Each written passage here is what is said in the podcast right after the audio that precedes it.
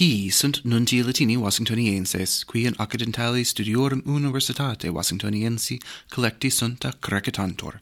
Hodie est sextus decimus dies, mensis Februarii. Americani res sibi ignotas disigiunt. Die veneris super arcticos fines Alaskae civitatis, ignotum aliquid, ad altitudinem quadraginta milium pedum volans, missili Americano est diruptum. Quodcumque fuit, secundum milites aereos, culindrus videbatur esse forma, colore argentio, magnitudine autoraidae, nec quo per aerem pelleretur habere, nec hominum continere. Nec magnus folus fuit talus, qualis sinensi speculandi causa fines Americanos nuper vil aurant. At, quid quidid fuerat, armis Americanis est bene displosum dies eterni canadenses in caelo super suis regionibus borealibus alium culindrum sincerunt, itque roga verunt, ut mercani aereos milites mitterent, qui culindrum ignotum disicerent, quod est factum. Diende die solis, prope lacum huronum, inter Canadam et Americam situm, res ignota tertia, sel post speculatorium foldum sinensium quarta, est missili disiecta omnino ignotum est, quae fuerent, unde venerent, quid egerent, quem ad finem missa sent, sed hoc unum constat, illa posse missilibus dirumbi. Nicaraguenses liberati. Josephus Daniel Ortega, Turranus Nicaraguensium et Asicla Marxii Leninique, ad ducentos sibi oppositos, et in vincula publica ductos in Americam deportavit quorum unus est civis Americanus, alii vero Nicaraguenses, sed cum Ortega referator vele eos, contra foedra diurata et leges Nicaraguenses, civitate privari, res publica Hispanorum, civitatem eis praebet, ne cives nullius gentes fiat, anno altum bismillesimo vicesimo primo, Ortega Rivales, quipiqui etiam sumo magistratum peterent, inter ipsa comitia in vincula duxit, ne ipse suffragiis popularibus de vincaretur, quare comitia ipsa plerisque irrita videbantur. Praeter aemulus rivalesque, detenebantur alii, utqui libertatem populi promovissent, Rolandus igitur avares, episcopus Matagalpae, recusaurat ne in exilium profugeret. Itque laesae maestatis damnatus est, qui sexit vigenti annos publicis vinculis teneretur, et civitate privoretur. Moldava ministra primaria magistratu se abdicat.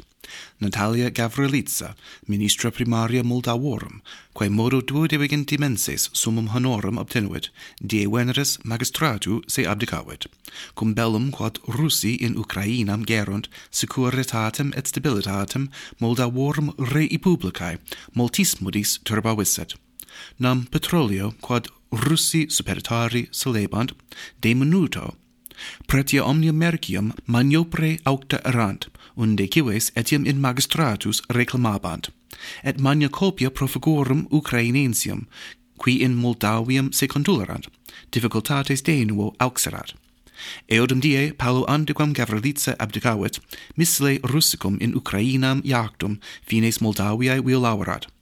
Itque arma aliena terram transgrediuntur, ut bellum proprius apropinquare vidiatur. Die por veneras speculatores Moldavi nuntiaurant se cognovisse opera clandestina suscepta esse, quibus res publica subverta retor. Maia sandu, praeses Moldava quae abdicationem Gavrilitzai rite ecepit, nomen Dorni Rechan, conciliarii securitati praefecti proposuit, qui in locum Gavrilitzai succederet.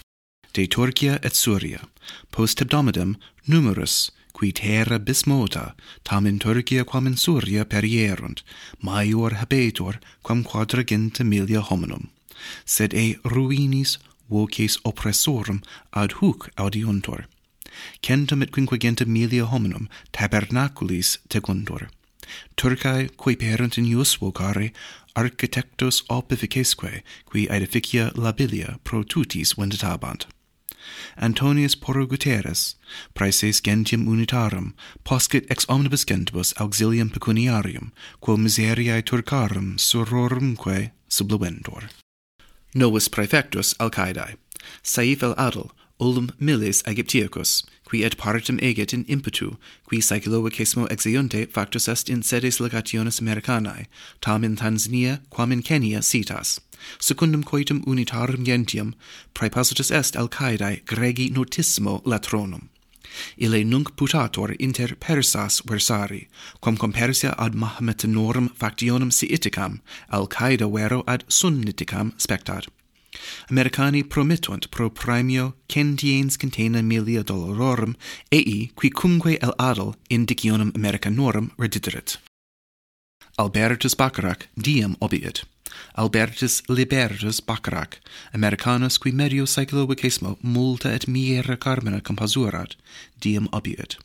Qui ter palmum academiae, sexies palmum grammaticam, et palmum imaginis orthici instrumenti tulerat, septuaginta porro et tria carmina, quae ile panserat, inter optima Americana numerantur, inter quae notisma sunt, pluviae pergunt in caput meum cadere, et quod nunc nices est mundo, quod cecinit Jacobula de Shannon, et precatiunculum precor, quod cecinit tam Aretha Franklin, quam Dioni Warwick. Quibus in carminibus progredi solebant cordae aliter, atque auditor expectabat, et instrumenta insolita audiebantur. Vixit annos nonegenta et quatuor. Quibus dictis gratias auscultatoribus agamus, curate, ut bene valeatis.